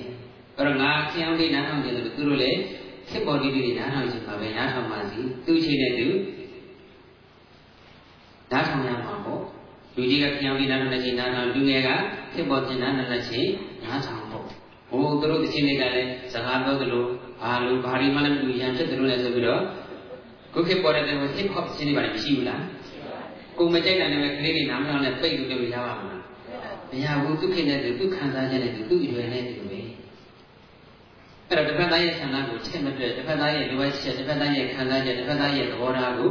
ချက်မတွက်တဲ့ပုဂ္ဂိုလ်ကလည်းနေရာကအပြစ်ကြီးလေးမြင်နေတော့တာပဲကိုယ်ဒီကလေးတွေကိုရုံးကနေကိုမတူတော့ဘူးပြောလို့ဆိုလို့လည်းမရဝိတ္တဆန္ဒတွေကလည်းကလက်တက်တက်မကြည့်ရဘူးလားဉာဏ်နဲ့အချိုးကိုမပြေတော့ဘူးနော် အဲ့တော့အရွယ်ရဲ့သဘောကိုရောခံစားတဲ့ရဲ့သဘောကိုရောဝါသနာရဲ့သဘောကိုရောနားလည်ရတယ်။တိန်နဲ့တူနေတဲ့ဟောတယောက်ကဘောလုံးမဲ့ဝါသနာပါတယ်တယောက်ကဝါသနာမပါဘူး။မင်းတို့ဘောလုံးမဲ့ဘာမှလည်းတိတ်ပဲမရှိပါဘူးကွာအလုံးလေးတစ်လုံးဟိုဘက်ထက်လူလိုက်လူနေရတာပဲဆိုတော့ပြပြောတော့ကဲဘောလုံးမဲ့တဲ့လူကကျင်းတတ်မှာအောင်လား။မကျင်းတတ်ဘူးကိုဘောလုံးမဲ့တဲ့လူကသူဘောလုံးမဲ့တဲ့ကျင်းတတ်မှာပေါ့။ဒါကနမူနာပြတော့ဗအိမ်မှာ မိသားစုချင်းချင်းပဲဖြစ်ဖြစ်မိတ်ဆွေချင်းချင်းပဲဖြစ်ဖြစ်တယောက်ရဲ့ခံစားချက်တယောက်ရဲ့ဝါသနာတယောက်ရဲ့လိုအပ်ချက်တယောက်ရဲ့ဆန္ဒကိုနားလည်ဖို့လိုအပ်တယ်ငါဟာသူမဟုတ်ဘူးဆိုတာသဘောပေါက်အောင်ပါပေါ့ငါဟာသူဟုတ်ရဲ့လားဟုတ်ပါဘူးငါဟာသူမဟုတ်တဲ့ငါဆန္ဒနဲ့သူဆန္ဒထပ်ပြီးကြားနိုင်ပါမလားကြားနိုင်ပါဘူးကြားနိုင်ဘူးတစ်ဖက်သားပေါ်မှာသိချစ်လွန်အားကြီးရင်လေအပြစ်မြင်တတ်တယ်တစ်ဖက်သားကိုသိချစ်သွားပြီးသိတ္တန်အောင်ကြည့်ပါပြီဆိုရင် ကိုယ်ဆန္ဒအတိုင်းသူ့ဆန္ဒရှိစေခြင်းနဲ့ကိုဖြစ်ခြင်းတယ်လို့ပဲသူဖြစ်စေခြင်းနဲ့ကိုဖြစ်စေခြင်းတယ်လို့ပဲသူဖြစ်အောင်လုပ်စေခြင်းနဲ့ကိုယ်အယူဆတိုင်းပဲသူယူဆစေခြင်းနဲ့ကိုယ်တွေးခေါ်တိုင်းပဲသူတွေးခေါ်စေခြင်းနဲ့ကိုယူဆတယ်လို့ကိုတွေးခေါ်တယ်လို့မတွေးတဲ့အခါကျတော့မတိမနနဲ့အပြစ်တွေမတင်တော့ဘူးလားယူဆခြင်းဆိုတာလည်းပြန်လိုက်တော့မတူနိုင်ဘူးအဲ့ဒီသဘောတရားလေးကိုနားမလည်ဘူးဆိုတော့လေကိုယ်အယူဆတာနဲ့အမှန်သူ့အယူဆတာ မှားဆိုပြီးတော့အပြစ်ပဲတင်တော့တာပဲဒါဒီလိုသဘောတရားလေးကိုပြောလိုက်ရင်ဝိမဲ့စကားမပြောပါနဲ့ဆိုရင်ဝိမဲ့စကားကိုပြောခြင်းရဲ့အကြောင်းဖြစ်တဲ့အဲ့ဒီစိတ်နေစိတ်ဓာတ်လေးတွေပြုပြင်ရမှာပေါ့နော်ကိုကိုကိုထင်ကြီးတဲ့စိတ်လုံးကရင်ဝိမဲ့စကားပြောတတ်တယ်ဆိုရင်ထင်ကြီးတဲ့စိတ်တွေကင်းအောင်ကြိုးစားဖို့ရောအောင်ကြိုးစားဖို့စသည်အဖြစ်ပေါ့တစ်ဖက်သားရဲ့ဆန္ဒကိုနားမလည်ရင်ဒီပြောတတ်တယ်ဆိုရင်တစ်ဖက်သားရဲ့ဆန္ဒကိုကိုကျင်းစာသီးလေးနဲ့နားလည်ပေးနိုင်အောင်ကြိုးစားရမယ် ပရဝဇ္ဇာနုပတိတနေဆံဥဇာနာတိနိနောသူတစ်ပါးကိုဆရာလို့ချင်တဲ့လူကလည်းအပြစ်ကြီးပဲမမြင်ဘူးလားမှန်ပါဗျာအပြစ်ကြီးပဲအပြစ်မြင်မှလည်းသူကဆရာလို့လို့ရမှာဘူးဒါတော့အပြစ်ကြီးပဲမြင်တတ်တယ်အဲ့တော့သူများကြည့်ကြည့်ပဲမြင်တာဟာဝိမဲ့စကားပဲဆိုတော့ဘာနဲ့ဝိမဲ့စကားလဲဆိုရင်ကောင်းရကုပ္ပတိနဲ့ဝိမဲ့စကားနိဗ္ဗာန်နဲ့ဝိမဲ့စကားဒါကတော့ဘာမှမဆန်းဘူးနည်းနည်းဝေးတယ်လို့လည်းရှင်းရတယ်အနိကဆုံး လက်တွေ့ဘဝအနေနဲ့ပြောမယ်ဆိုရင်တော့သူတစ်ပါးရဲ့အဖြစ်ကိုကြီးပဲအမြဲတမ်းတွေးပြီးတော့သူတစ်ပါးရဲ့အဖြစ်ကိုကြီးပဲအမြဲတမ်းပြောတယ်ဆိုရင်သူတစ်ပါးရဲ့အဖြစ်ကိုသူတစ်ပါးရဲ့အဖြစ်ကိုပြောတဲ့စကားဟာမေတ္တာတရားနဲ့ဝေးမဲ့စကားသူများပြည့်ကြီးပဲအမြဲတမ်းပြောနေစဉ်ပြောခံနေလို့ကိုယ့်ဘောမေတ္တာရှိပါအောင်လားရှိပါဘူးဗျာမရှိတော့ဘူးဒါကြောင့်အပြစ်ပြောစကားဆိုတာတကယ်တမ်းကျတော့မေတ္တာဝေးစေမယ်စကားမျိုးပဲဥစဉ်တို့သာသနာ့ဘဝတို့က ကိုရင်တစ်ပါးရင်းရင်းနှီးနှီးရှိခဲ့ဘူးလေတခြားကိုရင်လည်းအများကြီးရှိတယ်ပေါ့ရင်းနှီးတဲ့ကိုရင်တစ်ပါးရှိခဲ့ဘူးလေတနေ့တော့အဲ့ဒီကိုရင်နဲ့ဟိုမန္တလေးသွားတဲ့ဘတ်စကားပေါ်မှာဆုံတာပေါ့လေဘတ်စကားပေါ်မှာဆုံတာအဲ့ဒီမှာသူကယဟန်ဖြစ်သွားပြီယဟန်ဖြစ်သွားပြီဆိုတော့သူ့ကိုကိုရင်ဘဝကလေးကယဟန်တကခံပါမယ်လို့ကြိုတင်ပြီးတော့သတ်မှတ်ထားတဲ့တရားရှိအဲ့ဒီတရားကလည်းဥစဉ်နဲ့ရင်းနှီးတဲ့တရားဥစဉ်နဲ့ပြီးတဲ့တရားပေါ့ အဲ့ဒါနဲ့အဲ့ဒီကုသလေးတွေ့တော့ပြီးတယ်ပြီးလိုက်ရတယ်ကုသလေးကုသလေးရဲ့ယဟန်တရာကကိုတကာပဲလားသူ့မိရတော့နာမည်နဲ့ပြရတာပေါ့ဒီမှာတော့နာမည်ချုပ်ထားတယ်နော်ကိုတကာပဲလားလို့ပြီးတော့မဟုတ်ဘူးတဲ့တခြားမြို့ကတခြားတကာတရားတဲ့အဲ့ဒီကလေးကမိသနာဘောပေါ်လာပြီအဲ့ဒီတကာကြီးအကြောင်းကလည်းကိုကသိထားပြီးသားဆိုတော့မေးလိုက်ပါတယ်ဘာဖြစ်လို့လဲအဲ့ဒီတကာကြီးကဆရာလို့လို့လားဟုတ်တယ်နေရာကဆရာလို့ပြီးတော့ စာရီခဏခဏကြီးဘာမလုပ်နဲ့ညာမလုပ်နဲ့ဘယ်လိုလုပ်ပါညာလိုလုပ်ပါကိုရင်လေးကိုခဏခဏကိုရင်ယဟန်တော်မခံသေးဘူးနေရာကဆရာလို့တော့အဲ့ဒီကိုရင်လေးကဒီတကာနဲ့တော့တသက်လုံးတက်တွဲလို့မဖြစ်ဘူးဆိုပြီးတော့ယဟန်တကာဖြစ်ကနေပြတ်ဆဲလိုက်တယ်တချို့လည်းပဲလက်မဆက်ခင်ကလေးကဆရာလို့အနိုင်ယူကောင်းမှုတဲ့လူရှိဘူးလားအဲ့ဒါဆိုတော့လက်မဆက်ခင်ကလေးကကိုယ်ရှင်းတာကောင်းဆုံးပဲနော်သမီးသားဘွားကလေးကအနိုင်ယူခြင်းနေတယ်ဆိုမှတော့ လက်ထပ်ပြီးပို့ပြီးနိုင်ယူမှာပဲအဲ့ဒီဥဒိနေကလည်းအဲ့ဒီသဘောသဘောပေါက်တဲ့ချိန်မှာလေနော်ယဟန်စကားမခံခင်ကလေးကယဟန်တကခံနေဆိုတာကလည်းဦးဇင်းတို့သိခါထတာနဲ့ပတ်သက်တဲ့တရားတွေမှာဟောဖို့ပါတယ်သိထတာနဲ့ပတ်သက်ရင်ပေါ့လေသိထခြင်းနဲ့လက်ထခြင်းဟာအတူတူပဲဆိုတဲ့အကြောင်းအဲ့ဒါတော့နောက်မှပဲဆောင်းမရေးတော့မယ်နော်သိထတယ်ဆိုတာလက်ထတာနဲ့အတူတူပဲမျိုးသားနဲ့မျိုးသမီးလက်ထက်လိုက်တယ်ဆိုရင် မျိုးသားကမျိုးသမီးကိုတာဝန်ယူရတယ်မျိုးသမီးကမျိုးသားကိုတာဝန်ယူရတယ်ယဟန်တစ်ပါးကိုသိခါထလိုက်တယ်သိထလိုက်တယ်ဆိုရင်လေယဟန်တကယဟန်မကလည်းယဟန်ကိုတာဝန်ယူရတယ်ယဟန်ကလည်းယဟန်တကယဟန်မကိုတာဝန်ယူရတယ်အပြန်အလှန်တာဝန်တွေဆိုတာရှိလာတယ်နော်အဲ့တော့သိခါထလိုက်တယ်ဆိုတာယဟန်ဖြစ်ပြီးတာသိခါထနေဘာအကျိုးရှိလဲဆိုတော့ရှိပါတယ်သာသနာပြုလုပ်ငန်းတွေကိုတူတူလက်တွဲပြီးတော့လုပ်သွားပါမယ်လို့ကတိပြုလိုက်တာလက်ထက်တယ်ဆိုတာကလည်းရာသက်မှလူကြီးကြပေါင်းမှမယ်လို့ ကတိပြုတာပဲလေတိတ်ဆက်လိုက်တယ်ဆိုတာကလည်းဆရာတွေကလက်တွဲပြီးတော့သာသနာလုပ်ငန်းတွေကိုကြိုးစားဆောင်ရွက်ပါမယ်လို့ကတိပေးလိုက်တာပဲအဲ့တော့တိတ်ဆက်ခြင်းနဲ့လက်ထက်ခြင်းနဲ့ပြုတဲ့ဇာကျမ်းလေးမှတ်ပေါ်နော်အဲ့တော့အဲ့ဒီယဟန်တော်လေးကသူ့ယဟန်တကလောင်းကနေရာတကဆရာတို့နေရာတကပြစ်ပြောလို့ဆိုပြီးတော့ယဟန်တကဖြစ်တာပြတ်ဆဲလိုက်တယ်နေရာတကာအစ်ပြောတဲ့စကားဟာမေတ္တာတရားနဲ့ဝိမဲ့စကားသဘောပေါက်ရဲ့လား ဒီသဘောပေါက်တဲ့စဉ်ဆံဖို့ဆိုပေါ့သူအပြစ်သာတွေးသူမှာမေတ္တာဝေလိမ့်မည်သူအပြစ်သာတွေးသူမှာမေတ္တာဝေလိမ့်မည်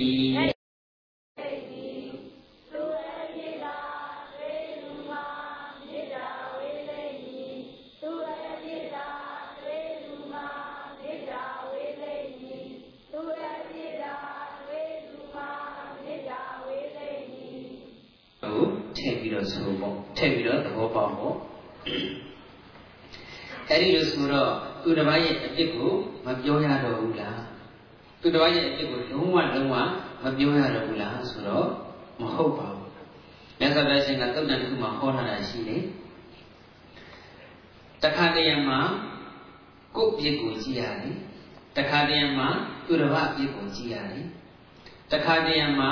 ကိုယ့်ရဲ့ကောင်းကွက်ကိုကြည့်ရတယ် တခါတည်းမှာသူတစ်ပါးရဲ့ကောင်းဘက်ကိုကြည့်ရတယ်ကာလိနကာလန်လို့ခေါ်ခေါ်တာပေါ့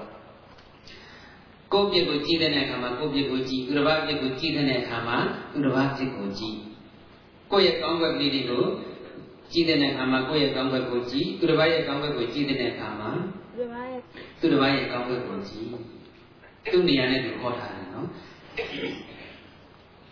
သူတစ်ပါးရဲ့အဖြစ်ကိုကြည့်လိုက်မှကိုယ်မှအပြစ်ကင်းစင်သွားမယ် ကိုယ့်ရဲ့ဘဝကိုယ့်ရဲ့စိတ်တဲ့အရေးတွေကောင်းသွားမယ်ဆိုရင်သူများစိတ်ကိုကြည့်ဖို့မလိုဘူးလားလိုပါပါသူများရဲ့အဖြစ်ကိုကြည့်ပြီးတော့ကိုယ်မှအဲ့ဒီလိုပြင်ပြကျင်းစင်အောင်ပြုမြင်ရမှာလေကိုယ်စိတ်ကိုယ်စက်မှလည်းခေါ်ထားတာပဲနော်အဲ့တော့သူများရဲ့အဖြစ်ကိုလည်းကြည့်တဲ့အခါကြည့်ရမယ်ကြည့်ရရင်နောက်ကမှဘာပါလာလဲဆိုတော့ပြောတဲ့အခါလည်းပြောရမယ်ပြောဖို့လိုအပ်ရင်ပြောရမယ်မလိုအပ်ရင်မပြောနဲ့ နိတိနံဝဘဝတ္တာရံယံပတ္တိဝိဇ္ဇတတိနံကိုယ့်အပြစ်ကိုမေတ္တာစေတနာနဲ့ထောက်ပြလာတဲ့ပုဂ္ဂိုလ်ဟာကိုယ့်ကိုရွှေဦးပေးတဲ့ပုဂ္ဂိုလ်ပါပဲမြတ်စွာဘုရားဟောထားတာနော်အဲ့တော့ကိုယ့်ကိုကိုယ့်အပြစ်ကိုညွှန်ပြလာရင်ရွှေဦးပေးတဲ့တယ်ဆိုတော့သူတစ်ပါးရဲ့အပြစ်ကိုမေတ္တာစေတနာနဲ့ညွှန်ပြပြီးရင်လေသူတစ်ပါးကိုရွှေဦးပေးတာပဲ ခုတရားနဲ့ပြတဲ့ကသူများစီရရွှေဖို့ပဲကြည့်နေတာလားကိုရွှေဖို့လည်းတွေးနေတာလားတစ်ခုစလုံးပါဗျာနှစ်ခုစလုံးယူလေးစားတဲ့သူကိုချင်းတိခါလေးဆွန်ခြင်းရှိပါစေနဲ့ဘဝမှာအနည်းစက်ကလေးမချင်ပါစေနဲ့ဘဝရဲ့ဤသူတွေစိတ်တဲ့ဤသူတွေကောင်းပါစေမေတ္တာစေရနာလေးနဲ့အပြစ်ထောက်ကြတာမျိုးမရှိသင့်ဘူးလားရှိသင့်ပါရဲ့ရှိသင့်တယ်သူတတံဝိဇ္ဇမင်းကြီးတာဆက်တိုင်းကိုယ့်အပြစ်ကိုကြတော့ မြင်နိုင်ခဲ့တယ်သူတစ်ပါးရဲ့ပြစ်တာတော့မြင်လွယ်တယ်သူများမျက်စိတာတော့မြင်လွယ်ကိုမျက်စိတာတော့ကိုမြင်ရလားမြင်ပါဘူးအဲဒါကိုဘယ်လိုလုပ်ကိုကြည့်ပါလဲမျက်စိကိုနော်မှန်နဲ့ကြည့်မှမြင်မှာပေါ့အဲ့ဒီလိုပဲကိုယ့်ပြစ်ဆိုတာလေတရားဓမ္မဆိုတဲ့မှန်လေးထောင်ကြည့်မှမြင်ပါမယ်အဲ့တော့ကိုအပြစ်ကိုဆိုတာကမြင်တဲ့ခါလည်းမြင်တယ်မမြင်တာလေးရှိတယ်အဲ့တော့တစ်ဖက်သားဆိုတာကမြင်တတ်တာမြင်တဲ့သူကစေတနာလေးနဲ့ထောက်ကြတယ်ဆိုရင်လက်ခံရ ကိုယ်ကလည်းပဲတစ်ဖက်သားရဲ့အကျိုးကိုအမှန်တကယ်လူလားတယ်ဆိုရင်တော့အချိန်ဒီအချိန်ခါအားလျော်စွာအပြစ်ကိုထောက်ပြရမယ်ဒါပေမဲ့နေရာကဆရာလူဖြစ်တဲ့သိကြီးနဲ့စေတနာနဲ့ပြောတာပါစေတနာနဲ့ပြောတာပဲပါဆိုပြီးတော့နေရာကတော့ပြပြောသေးရဲ့လားပြောတယ်ပါဗျာပြောတဲ့ကိုခြေလေးကြည့်ရမယ်ခြေခါကြည့်ရမယ်ပြောတဲ့မှာပြောရမယ်ပြောဖို့ပြောလို့ရလည်းရှိသေးတယ်ဒါမလုပ်နဲ့လို့ဒီလိုပြောတာလည်းရှိတယ်ဒါလေးကဒီလိုလည်းပဲနဲ့ကိုလိုလေးလို့ရင်ပုံမကောင်းဘူးလား အဲ့ဒီလိုလည်းမရှိဘူးလားအဲ့လိုပါဗျာအဲ့တော့ဒါမလုပ်နဲ့မကောင်းဘူးဒါလို့လို့ရှိရင်တော့အကြက်ပဲဆိုရင်တော့ကောင်းကောင်းပါတစ်ဖက်ကလည်းဘယ်လက်ခံနေပါမလဲဒါလေးကတော့ဒီလိုလေးရှိနေခြင်းနဲ့ဒီလိုလေးလို့ရင်ပုံမကောင်းဘူးလားဒါလေးလို့လို့ရှိရင်မင်းတွေကိုယ်သိက္ခာကျမ်းကျမ်းနဲ့ဖြစ်သွားမလားဒီစကားလေးမင်းပြောလိုက်တဲ့အခါတစ်ဖက်ကကဘယ်လိုများယူဆတော့ဒီလိုလေးသမီးယူဆမသွားနိုင်ဘူးလားဒီလိုလေးပြောလိုက်ရင်တော့ပုံမကောင်းဘူးလားစသည်အဖြစ်မေတ္တာလေးနဲ့ထောက်ပြရမှာပေါ့ စကလုံးအသုံးလုံးကလည်းအရေးကြီးတယ်နော်ပါပါဗျာပင်ကိုစိတ်ကကောင်းကြီးခြင်းပြောတာပဲမေတ္တာနဲ့ပြောတာပဲစေတနာနဲ့ပြောတာပဲဆိုပြီးတော့ဒုထိုးဥပ္ပောက်ပြောပြောလို့ရဖြစ်ပါမလားပြောပါဦးဗျာဒုထိုးဥပ္ပောက်ကြီးပြောတော့တစ်ခါကလည်းကျန်တယ်လက်မခံဘူးပေါ့အဲ့တော့စကလုံးအသုံးလုံးလေးလေဟိုဆရာလုပ်တဲ့သဘောမျိုးအပြစ်ပြင်တဲ့သဘောမျိုးမဖြစ်အောင်ကြည့်ဆိုင်ရတယ်အခြေအနေချင်းကလည်းကြည့်ရတယ် ပြောတဲ့အချိန်လေးမှာပြောရတယ်နောက်9မိနစ်လောက်နေမှပြောမယ်စကားကို9မိနစ်အောင့်ထားပါဦးသိတယ်နဲ့တန်းမပြောနဲ့ပြောနေတာနဲ့တန်းမပြောနဲ့နောက်ရက်နောက်လာနောက်နေ့စသည်အချင်းပြောတဲ့ပြောထိုက်တဲ့အချိန်မှာအဝင်ဝင်ကြလေပြောရမယ်ပြောဖို့မလိုတဲ့ခါကျတော့လေမပြောနဲ့ပေါ့။အိုးဒါငါမပြောလိမ့်မယ်သူသူသိသွားမှာပါပဲ။ဆိုပြီးတော့လုံးဝမပြောဘဲနေတဲ့အခါကျလည်းမပြောရဘူး။ တခါတည်းမှာသူများရဲ့အပြစ်ကိုပြောတာဟာစေတနာနဲ့ပြောတဲ့သဘောမျိုးမသက်ရောက်တော့ဘဲနဲ့တစ်ဖက်သားရဲ့ဂုဏ်သိက္ခာကိုစော်ကားတယ်လို့ဖြစ်သွားတာမျိုးလည်းရှိတတ်သေးတယ်။ကိုယ့်ရဲ့လက်တွေဝါတွေကဖြစ်တဲ့နေနဲ့ပြန်စဉ်းစားကြည့်ပေါ့နော်။စေတနာနဲ့တော့ပြောလိုက်တာလေ။ဒါပေမဲ့တစ်ဖက်သားမှာငါသိက္ခာစော်ကားတယ်ငါ့ကိုမယုံကြည်ဘူးငါ့ကိုစိတ်မချဘူးလို့ခံစားတော်ရတယ်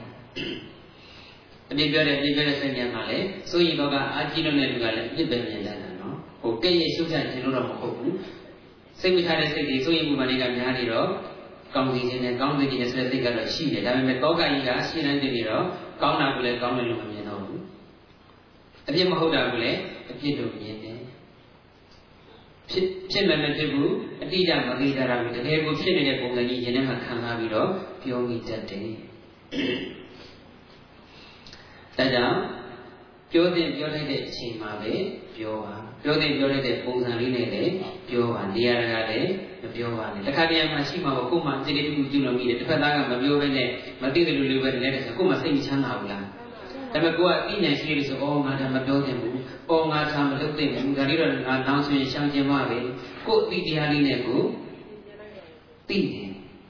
အဲ့ဒါကိုတစ်ခါကသိရတဲ့နဲ့မပြောဘဲနဲ့မသိကြအောင်ဆောင်လိုက်တယ်။သိမှတော့သိတယ်။ဒါပေမဲ့အော်သူသိရတဲ့နဲ့ငါ့ကိုမပြောဆိုတော့ကျေးဇူးတင်လိုက်တာဝမ်းသာသွားတယ်။အဲ့တော့ပြစ်ဆိုတာကလည်းပြောတဲ့နဲ့ကောင်းနေခြင်းပြောကောင်းတာပဲဆိုပေမဲ့ပြောစမှပြောရတယ်။လိလိရှုတဲ့ဟာလေးကြတော့လိလိရှုရတယ်။နေရာတကာပြောတော့တစ်ခါသာသိဉာဏ်မရှိဘူးလို့တတ်မှတ်လိုက်ရရောက်သွားတာပေါ့။ပြောရပြီးတဲ့ပုဂ္ဂိုလ်တွေကိုသူငယ်တန်းကျောင်းသားလေးကိုတငယ်နှစ်သားလေးကိုသဘောထားလို့ဖြစ်ပါမလားဖြစ်ပါဦးဗျာ။ဖြစ်ဘူး။ ပုဂ္ဂိုလ်ရဲ့အနေအထားဆိုတာလည်းရှိသေးတယ်။ပုဂ္ဂိုလ်ရဲ့ပတ်ဝန်းကျင်ဆိုတာလည်းရှိသေးတယ်။ဟုတ်သူတစ်ပါးကိုနေရာကပြီးပြောရင်ဂုဏ်သိက္ခာစော်ကားတယ်လို့ဖြစ်တယ်ဆိုတာနဲ့ပတ်သက်လို့တချို့တရားဓမ္မတွေပြောကြတာရှိတာပေါ့စေတနာနဲ့သိပြီးတာပါပဲ။ဟိုမာတုကမာရီမျိုးသမီးတွေကြောင်းလေးကိုဝမခံနဲ့မပြောကြဘူးလား။ကဲမျိုးသမီးကြောင်းနဲ့ဝမခံလို့ဖြစ်ပါမလား။ အဖြစ်ကိုရတဲ့လေးကြီးပဲခံနေကိုရတဲ့လေးကြီးပဲလာထူဒါကြတဲ့လေးကြီးပဲလာထူမျိုးသမီးတွေလာကုန်မလို့လည်းဆိုပြောလို့ဖြစ်ပါမလား။သိစိတ်အကူလွန်သွားတဲ့ခါကျတော့ဘယ်မျိုးသမီးမှကိုလာမခံနဲ့ဘယ်မျိုးသမီးမှကိုမကြည့်နဲ့မပြောတတ်ဘူးလား။ဦးဇင်းတို့ကတော့အဲ့လိုပေါ့တချို့မာတုကမာနဲ့ပတ်သက်ပြီးတော့ဦးဇင်းကိုစိုးရိမ်ကောကနဲ့ဟိုပြောပြီးဆိုရင်ပြောလို့ရှိတယ်။ဦးဇင်းကမာတုကမမိမနဲ့ပတ်သက်လို့စိတ်မချဘူးဆိုရင်စိတ်မချတဲ့စကားပြောတာဟာ ဥစဉ်ကိုဥစဉ်ရဲ့ဂုဏ်သိက္ခာကိုစော်ကားတာပဲယဟန်တော်တွေအနေနဲ့မာဓုကာမနဲ့ပတ်သက်လို့စိတ်ကူတဲ့စကားပြောတာလောက်အပြစ်ပြောတာလောက်ခံစားရတာမရှိဘူးဒါကြောင့်မလို့အပြစ်တစ်ဖက်သားရဲ့ခံစားချက်ကိုနားလည်ရတယ်ဆိုတာအဲ့ဒါပြောတာနော်တစ်ဖက်သားရဲ့ခံစားချက်ကိုနားမလည်ဘူးဆိုတော့ကိုပြောချင်တိုင်းစွတ်ပြောဒါပေမဲ့လည်းပြောချင်တော့ပြောမှာပေါ့နော်ယဟန်တော်တစ်ပါးမာဓုကာမတဲ့အနေထိုင်မမှန်ဘူးစိတ်ဝေရမှာတယောက်ချင်းချင်းဒီလိုတွေ့နေကြတယ်ဆိုတော့ပြောဖို့ပြောရမှာပေါ့မုံညင်လည်းမုံမစီပြောရမှာပဲနော် အဲ့ဒီတော့အဖြစ်မှာသူတစ်ပါးရဲ့အဖြစ်ကိုပြောတဲ့စကားသူတစ်ပါးရဲ့အဖြစ်သူတစ်ပါးကိုပြောတဲ့အဖြစ်ဖွဲ့စကားဟာမေတ္တာတရားနဲ့ဝိမဲ့စကားလို့ဆိုပြီးမဲ့ပြောတဲ့ပြောထိုက်တဲ့အချိန်မှာတော့ပြောတဲ့ပြောထိုက်တဲ့အတိုင်းအတာနဲ့ပြောတဲ့ပြောထိုက်တဲ့ပုံစံနဲ့ပြောရမှာပါပဲဒါပေမဲ့သူတစ်ပါးအဖြစ်ကိုပြောမယ်ဆိုတော့စဉ်းစားလိုက်အောင်ဘယ်တော့မှအဖြစ်ကိုပြောမှာလဲ တချို့လူတွေကအတိတ်မှာပဲချောင်းပိတ်ပြီးနေတဲ့ပုဂ္ဂိုလ်အတိတ်ကိုပဲအနှစ်သာရလို့ထင်နေတဲ့ပုဂ္ဂိုလ်ပြစ္ဆုတ်ပန်နဲ့မျက်ခြေပြတ်သွားတဲ့ပုဂ္ဂိုလ်တွေကြတော့အတိတ်ကိုပဲဟုတ်ချင်ပြီးတော့အတိတ်ကအပြစ်တွေကိုပုံပြီးချက်ပြီးတော့အပြစ်ပြောတတ်သေးတယ်အတိတ်ကမှားခဲ့တဲ့အမှားလေးတွေအတိတ်ကကျူးလွန်ခဲ့မိတဲ့အပြစ်ကလေးတွေကိုခုလောလောဆယ်ဖြစ်နေတဲ့ပုံစံမျိုးဖန်တီးပြီးတော့ခုလောလောဆယ်ဖြစ်နေတဲ့ပုံစံမျိုးမြင်ရောင်ပြီးတော့ခုလောလောဆယ်ဖြစ်နေတဲ့ပုံစံမျိုးသတ်မှတ်ပြီးတော့အပြစ်တင်လက်ကြသေးတယ် အဲ့တော့ကိုပြစ်တယ်လို့ဆိုဘယ်တော့မှအပြစ်နဲ့ပြန်စမ်းမနေ့ကပြစ်လားမနေ့ကပြစ်ဆိုတော့ဒီနေ့ပြောတယ်မှပြောအောင်မနေ့ကဒီပြစ်သူကျူးလွန်နေမယ်ဒီနေ့ကျူးလွန်ချင်မှကျူးလွန်မှာပေါ့မနေ့ကဒီပြစ်ကျူးလွန်နေတဲ့စိတ်သက်ရှိပေမဲ့ဒီနေ့ရှိချင်မှရှိမှာပေါ့မနေ့နဲ့ဒီနေ့တော့ပြူတဲ့ဥစ္စာပြီးခဲ့တဲ့လတွေပြီးခဲ့တဲ့နှစ်တွေ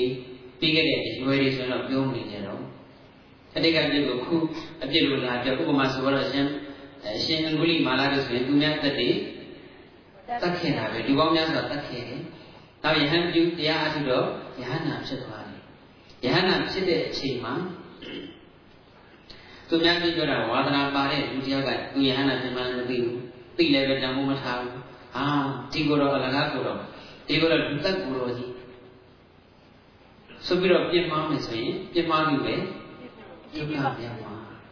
ယဟန္တာမှမသိပဲဒီကိုတော့လူသက်ကိုတော့ကြီးပဲငါစီမှုတွေလည်းတတ်သွားတာပဲဆိုပြီးတော့ခဲနဲ့ပေါက်ဒုနဲ့ရိုက်လို့ရင်ဒုတဲ့သူပဲ အဖြစ်ဖြစ်မှာအဲ့တော့လူတစ်ဖက်သားကိုအပြစ်မြင်မယ်အပြစ်တင်မယ်ကြရင်ဘယ်တော့မှအပြစ်နဲ့ပြန်စဉ်းစားပါဘူးဟိုတော့ကအပြစ်ဒီခုရှိတယ်မှရှိမှာနော်ဦးဇင်းတို့ပုံမဲ့လေးလေးနဲ့ဝန်ခံရမှာပေါ့လေတခါကြီးကြောက်ကအပြစ်တင်မှုလေဒါပေမဲ့သူပြစ်တဲ့နာကတော့စေတနာတော့စေတနာနဲ့ပါဒါပေမဲ့အတိတ်ကလောက်ရက်ကိုပြစ္ဆုတ်ပါမှာလောက်တဲ့ပုံစံမျိုးအပြစ်တင်တာဖြစ်နေတယ်ယဟန်ဆိုတာ မွေးနေ့ဝယ်မလုပ်နိုင်ဘူးလေမွေးနေ့ဆိုတာကမွေးနေ့ကုသိုလ်ကောင်းမှုလုပ်နိုင်ဘူးလားလုပ်သိပါရဲ့လုပ်သိတာပဲကာလာပဲကျွေးနာဆရာပဲလို့မွေးနေ့စဉ်ကုသိုလ်ကောင်းမှုတွေပြုကျန်တဲ့နေ့တွေကျန်တဲ့အချိန်တွေမှာလည်းကုသိုလ်ဆိုတာကတော့ပြုတာပဲပေါ့ဒါပေမဲ့မွေးနေ့ဆိုရင်တော့မွေးနေ့မှာပြုတဲ့ကုသိုလ်တွေကျတော့မှတ်မှတ်ရရမှာဖြစ်ဘူးလားဖြစ်ပါရဲ့မှတ်မှတ်ရရဖြစ်တယ်မှတ်မှတ်ရတဲ့မွေးနေ့ကျရင်ခါတိုင်းချက်ကိုအထူးတိုးပြီးတော့ကုသိုလ်ကောင်းမှုတွေပြုတာပေါ့ကိုယ်စတော်ဘုံငယ်ငယ်လေးကလေးဒီဝိညာဉ်ဘွားကလေးကလည်းမွေးနေ့ဆိုရင်မှတ်မှတ်ရရ ကိုတတ်နိုင်လားကုသိုလ်တွေပြုခဲ့တာပဲကိုမတတ်နိုင်တဲ့ဒီဘကိုပြောပြီးတော့မွေးနေ့မှာကုသိုလ်တစ်ခုခုတော့ပြုခဲ့တာပဲယဟန်ဖြစ်တော့လေသာသနာပေါ်နဲ့သာသနာပေါ်အလျောက်ကိုတတ်နိုင်လားပြုတာပဲအသက်30ပြည့်တဲ့မွေးနေ့ကစပြီးတော့တော့ဟိုနည်းနည်းအရာချင်းချင်းကြီးကြီးမားမားလေးတွေပြုနိုင်လာတာပေါ့လေအဲ့တော့မွေးနေ့တိုင်းမွေးနေ့တိုင်းကုသိုလ်လေးတွေပြုဖြစ်တယ်အသက်30ပြည့်မွေးနေ့တုန်းကလည်းသတ္တမရဏိတိကာမှာ တန်ဃာတွေဆွမ်းပြီးလို့ယောဂီတွေဆွမ်းပြီးလို့ပြီးတဲ့ကသုံးမှုတွေရှုလို့စသည်အချင်းပေါ့လေကုသိုလ်ကောင်းမှုတွေပြုခဲ့ဘူးလေအဲ့ဒီမွေးနေ့မှာဘာဖြစ်တဲ့ဒီကုဖြစ်ခဲ့ဘူးလဲဆိုတော့ဒကမကြီးတယောက်ကမွေးနေ့ကိတ်ယူတယ်မွေးနေ့ကိတ်ယူတော့ပြီးုံနဲ့မမီသူကလည်းပဲသူတို့ရဲ့မွေးနေ့ကိတ်ကြီးနဲ့မှတ်တမ်းတင်နေတယ်ကြီးညိုခြင်းနဲ့ပေါ့လေတစ်သက်လုံးမွေးနေ့ကိတ်ကြီးပြုခဲ့တာလေကုသိုလ်လေးအာယုံပြန်ပြီးတော့စာကလည်းကနေပွားနေလို့ဆိုပြီးတော့မွေးနေ့ကိတ်ကလေးလှီးပေးပါတယ်သူမွေးနေ့ကိတ်ကလေးဦးဇင်းကပြီးတဲ့ပုံလေးဓာတ်ပုံရိုက်ပြီးတော့ကြီးညိုခြင်းလို့လေ အဲ့တော့ဦးဇင်းကလည်းအားလာတာနဲ့ပေါ့လေလှီးပေးလိုက်ပြီလှီးပေးလိုက်တော့လည်းဖြတ်ကနေဓာတ်ပုံရိုက်နေပြီတာပေါ့ဒါပေမဲ့လို့လူပိဋကကြီးကမှ happy birthday to you လုပ်ပြီးတော့ပြီးတာမဟုတ်ပါဘူးเนาะကိုယ်ခန်းလေးထဲမှာပဲအဲ့ဒါကဲမို့လူရှင်တွေနဲ့ပြီးလိုက်တာပေါ့3 3 4ယောက်ပဲရှိတာပါပဲအဲ့ဒါကိုကြည့်ပြောတာဝါသနာပါတဲ့လူကြောက်ကဓာတ်ပုံရိုက်တာပဲလားလူကိုယ်တိုင်မြင်လို့လည်းမသိဖြန့်ချီလိုက်တဲ့ခါကျတော့တခြားကြည့်ပြောတာဝါသနာပါတဲ့လူကြီးတရင်ကရောက်သွားတယ် ရောက်သွားတာက30တုန်းကဖြစ်ခဲ့တဲ့ဖြစ်ချက်က35နှစ်ကျမှတရင်ရောက်တာအဲ့ဒါခုလောလောဆယ်ကိုမွေးနေ့ပွဲတွေ Happy Birthday to you နဲ့လုပ်နေတယ်လို့သူကယူဆပြီးတော့စာရေးတာဆင်ဆနာတိကကိုမွေးနေ့ပွဲတွေမလုပ်ဖို့တတိပေးပါတဲ့ဥစဉ်ကိုလည်းရေးတာတော့မဟုတ်ဘူးဥစဉ်နဲ့ဆက်ဆက်နေတဲ့ဒကာကြီးဒကာမရင်းနေစီရေးတာယဟန်တပါနေတဲ့မွေးနေ့ကိတ်ပြီးပြီးတာမလုပ်သင့်ပါဘူးခုလောလောဆယ်ကိတ်မုံပြီးနေတာဟုတ်တယ်လားဟုတ်ပါဘူးအဲ့ဒီတော့ကလည်းဒါပေမဲ့ပြီးကြတဲ့ကနောက်သားရတယ် ဓာတ်ပုံကလေးဆိုင်နေတယ်ဆိုတော့ဒါမှတ်တမ်းနဲ့ဖြစ်သွားတာကိုအပြစ်ပြောခြင်းတဲ့သူကဒါကိုကင်ပြီးတော့အပြစ်ပြောလို့မရဘူးလားရတယ်နောက်ဆိုတော့ငါကတော့မှတရားဓမ္မတွေရဲ့အလိုဆန္ဒကိုမလိုက်လျောတော့ဘူးအာမနာတော့ဘူး30ပြည့်30ပြည့်33 3ဒီ3ကနောက်မွေးနေ့ဒီမှာအကုန်လုံးကိုယ်တိုင်ကိမ့်ဖို့မရှိပါဘူးဒါပေမဲ့မွေးနေ့ကိကတော့မလူကြဘူးလားလူကြတာပဲမွေးနေ့ကိလူတာအခုဒီမှာမဟုတ်ပဲစားရတာပေါ့နော် မွေးနေ့ကိကိုရှင်သနာတိတိဘယ်နှစ်ပြည့်မွေးနေ့ဘာညာနဲ့ဆိုတော့တခါတည်းလူကြတာပေါ့အဲ့တော့လူကြတော့တယောက်တည်းလည်းမဟုတ်ဘူးဒတိုင်းရှင်လို့ဆိုတဲ့နှစ်တိုင်းလူတာပေါ့လေဖိတ်တဲ့ဆော်တယ်ကနေမှားပြီးတော့နော်အဲ့ဒါမွေးနေ့ကိတွေလုံးလုံးလူရောဆရာတော်ကြောင့်မှနေစွန်နေကတန်ဃာတွေလည်းဆရာတော်ကြီးလည်းချိုးဝဲဒီမှာအဒီပြင်းမှုပြီးပြီးတော့လူလို့ရတယ်ကျင်းမောတွေကညာနေတော့တချို့တရားဓမ္မတွေကလည်းဘုန်းကြီးစွန့်တဲ့မွေးနေ့ကိတွေစားနေကြတယ်ဆိုတော့တချို့အိမ်မောင်လုံးတွေကြတော့လည်းစွန့်လာတာပေါ့ အဲ့ဒီခါကျတော့ကိုယ်ကိုယ်နိုင်မတီးပါဘူးကိုယ်တရားရေးတရားရောက်ကိုပဲပြီးခိုင်းနေတာပေါ့ကိုယ်တော့ဘိနာကတော့ထိုင်းနေတာပေါ့နော်ပြီးတော့မှသူတို့တွေစားကြအဲ့တော့မွေးနေ့ကိကိုတန်ခါကတ်တော့လည်းကုလို့ရတာပဲလူတွေစားတော့လည်းလူတွေကိုကျွေးတော့လည်းကုလို့ရတာပဲသူတို့ဝိနည်းရကတော့ဝေယဝဆတ်တဲ့လူတွေပဲကျွေးရမှာပေါ့နော်အဲ့တော့ခုဇန်နဝါရီ9ရက်ဆိုဦးဇင်းတို့36နှစ်ပြည့်မွေးနေ့လောက်အောင်မှာမွေးနေ့ကုသိုလ်ပြုရအောင်ပြုရအောင်မှာမွေးနေ့ကိစားနေတော့လာခဲ့ကြပေါ့ အလကားတော့မရဘူးဝေယဝဆတ်လို့မှရမယ်အဲ့တော့ဟိုတုန်းကဖြစ်ခဲ့တဲ့အဖြစ်ကလေးကိုခုလောလောဆယ်ကိုဖြစ်နေတဲ့ပုံစံမျိုးနဲ့ပြင်ပြောတော့ရည်စရာကြီးလေးဖြစ်နေတယ်သို့တော်လည်းဘယ်လိုပဲဖြစ်ဖြစ်ပါလေဩသူစီရနာကောင်းနေပြောတာလေဆိုပြီးတော့ဘယ်အရာမဆိုနေရာကမှာအာနာမှုတွေနဲ့တရားဓမ္မတွေလိုက်လဲလို့မဖြစ်ဘူး ယဟန်ဝိရိနဲ့ညီမတန်နဲ့လိုက်လဲမယ်မညီတော့မလိုက်လဲဘူးဆိုတဲ့အသိပြီးတော့ဘာပဲဖြစ်လို့သူ့အတွက်ခိုင်နေသွားတာဆိုတော့ကြီးစုတော့ကျင်ပါလေနော်ဒါပေမဲ့အတိတ်ကလုပ်ခဲ့လို့ရကိုခုလောလောဆယ်လုပ်နေတဲ့ပုံစံမျိုးနဲ့မြင်တတ်တဲ့ပုဂ္ဂိုလ်တွေဟာလည်းအရာရာမှာအပြစ်တင်တတ်တယ်အင်္ဂလိပ်မာနကိုတိတ်ကကြည့်ပြီးတော့အပြစ်တင်ရင်ဒုက္ခရောက်တတ်တယ်လို့စသည်အချင်းပေါ်လို့အပြစ်တင်တဲ့ပတ်သက်လို့ကိုယ့်ကိုဉာဏ်နဲ့ကချဲ့ရပြီးတော့နော်ဝိမဲ့စကားမပြောပါနဲ့ဆိုတာသူတစ်ပါးကြီးမပြောပါနဲ့ ဝိမဲ့တွေးမတွေးပါနဲ့ဆိုတာသူတစ်ပါးရဲ့အပြစ်တွေကြီးပဲတွေးမနေပါနဲ့ဝေးဆိုတဲ့တရားလေးကဒီနေ့နောက်ဆုံးပေါ့အဲ့တော့ဝေးဆိုတဲ့စကားလုံးလေးပါဠိလေးကိုစဉ်းစားလိုက်တယ်ဆိုတာနဲ့စာရဏဘွားတို့ကရခဲ့တဲ့ဂါထာလေးတစ်ခုကိုတတိရတယ်တရိဒတကုဏနိသဒူရမစ္ဆန္ဒမန္တနံတရိရန်ခဏဝိဋ္ဌံတိဂုဏတုကပ္ပထာယိနောတချို့နိဗ္ဗာန်ပုဂ္ဂိုလ်တွေမှားနေလဲမှားမယ်ပေါ့လေကိုရင်တော့ရထားတာလေးဆိုတော့ အဲ့ဒီကဏ္ဍပါစာပြီးလဲရှာဖို့အချိန်ကလည်းမရဘူးတရိရန်တရိရတကုဏနိသခန္ဓာကိုယ်ရဲ့ဂုံရဲ့ဆိုတာတစ်ခုနဲ့တစ်ခုအဝေးကြီးပါတဲ့ဒူရသက်ကလုံးကဝေးတယ်လို့သိကြရတယ်ကိုနဲ့ခုံနဲ့ဟာအဝေးကြီးပါတဲ့ကိုဟာတခဏလေးနဲ့ပျက်စီးသွားပါတယ်ခုံကတော့ကဘာပတ်လုံးတည်ပါတယ်ခန္ဓာကိုယ်နဲ့ခုံနဲ့တူရဲ့လားတူပါဗျာခန္ဓာကိုယ်နဲ့ခုံအရေးချင်းနဲ့မတူဘူး ခန္ဓာကိုယ်ဆိုတာကတခဏနဲ့ပျက်စီးသွားတာတခဏတိုင်းတခဏတိုင်းမှာလည်းယုံနာသဘာဝပျက်စီးနေတာပဲဘဝတစ်ခုဆုံးသွားရင်လည်းပျက်စီးသွားမှာပဲဒါပေမဲ့အဲ့ဒီခန္ဓာပိုင်ရှင်ကခန္ဓာမပျက်စီးခင်မှာပြုခဲ့တဲ့အလုပ်တွေဂုံရောက်တဲ့ပြုမှုတွေဂုံရောက်တဲ့လုပ်ရက်တွေဂုံရောက်တဲ့စကားတွေကြတော့တကဘာပတ်လုံးတည်သွားတယ်အဲ့ဒီပုဂ္ဂိုလ်မှာအဲ့ဒီပုဂ္ဂိုလ်မှာရှိတဲ့ကောင်းဂုံတွေဟာကဘာပတ်လုံးတည်တယ်သိုးဂုံလည်းပဲ ကဘာပတ်လုံးတည်တာပါပဲမြတ်စွာဘုရားရှိရဲ့ဂုံကိုတကဘာလုံးတည်တယ်စံကျင်မဲ့ပြုတဲ့အရှင်ဒီဝရရဲ့သိုးဂုံကိုလည်းကဘာပတ်လုံးတည်တာပဲအဲ့တော့ကောင်းကုန်နဲ့ကဘာပါလုံးတည်အောင်ကြိုးစားရမယ်ကဘာပါလုံးတည်တယ်ဆိုတာကပေါ်ထုတ်မဲ့သူမရှိတဲ့အခြေအနေမျိုးဆိုတော့ကွယ်ပြောင်းနေမှာပေါ့ပေါ်ထုတ်မဲ့ပုဂ္ဂိုလ်တွေပေါ်ပေါက်လာရင်ဂုဏ်တွေပြန်ပေါ်လာတာပဲခုတနေ့ကဟောတဲ့ရှင်ရင်းသားမင်းကြီးတို့စသည်အချင်းပေါ့ ဝေဒနာဇတ်တော်ကြီးတို့ဟိုတုန်းကဖြစ်ခဲ့တဲ့ဟိုတုန်းကကဘာဒီမှာဖြစ်ခဲ့တဲ့အကြောင်းအရာတွေလေးနေချင်းတဲ့ကဘာတိတုန်းကဖြစ်ခဲ့တဲ့အကြောင်းအရာတွေကလည်းဘုရားဖြစ်လို့အတိတ်ကိုပြန်မြင်နိုင်တဲ့ဉာဏ်ရှိပြီဆိုတော့ပြန်ပေါ်ထုတ်တဲ့အခါမပေါ်လာဘူးလားပေါ်လာပါတယ်ပေါ်လာတာပဲဂုဏ်လေးဆိုတာကဘာပတ်လုံးကြည်တဲ့တရားတွေအဲ့ဒါလေးကြည့်ပြီးတော့ဝိမဲ့အဲဝိမဲ့အလုပ်မလုပ်ပါနဲ့လို့ပြောချင်တာဘာနဲ့ဝိမဲ့လုပ်လဲဆိုရင်တော့တမိုင်းကောင်းနဲ့ဝိမဲ့အလုပ်မလုပ်ပါနဲ့ ရာဇဝင်ကောင်းနဲ့ဝိမဲ့အလုပ်မလုပ်ပါနဲ့မှတ်တိုင်ကောင်းနဲ့မော်ကုန်းကောင်းနဲ့ဝိမဲ့အလုပ်မလုပ်ပါနဲ့ဒါဆိုတော့သိုးကုံကြီးပြန်ရင်မဲ့အလုပ်ကိုမလုပ်နဲ့ကောင်းကုံကြီးပြန်ရင်မဲ့အလုပ်ကိုလုပ်လို့ဆိုလို့လေနော်ကောင်းကျိုးဘဝမှတ်တိုင်စိတ်ထင်နိုင်ရမယ်ကျေးဇူးတော်ရှင်ရောဆရာတိုင်းခေါ်တဲ့လူဘဝရဲ့ရက်လက်သုံးခုထဲမှာဒုတိယအချက်ကကောင်းကျိုးပြီးဘဝဖတ်တိုင်းစိုက်ထူနိုင်ရမယ်နာမည်ကောင်းကြံ့ရှင်းရမယ် ငါတို့ဖြစ်ရလူလောကဝေဘဝသမိုင်းမရိုင်းစေရန်စိတ်မှမချမာနမပါဒုစွမ်းရဖြင့်ဒုက္ခတနာဒုက္ခိရွာကိုတာယာစီမှုလုံလပြုအံဘယ်မှာကြောက်ရတော့တိရကုဆရာတော်ကြီးရဲ့အထိတ်ထံတိရကုအထိတ်ထံနော်ငါတို့ဖြစ်ရဒီလောကဝေဘဝသမိုင်းမရိုင်းစေရန်ကိုယ့်ရဲ့ဘဝသမိုင်းအဆိုးမဖြစ်စေဖို့အတွက်အကောင်းဖြစ်စေဖို့အတွက် စိတ်မှမချမန္တရာကြီးချမှာပါဘူးမနိမနတမမနစိတ်ဆိုတာကလာတာ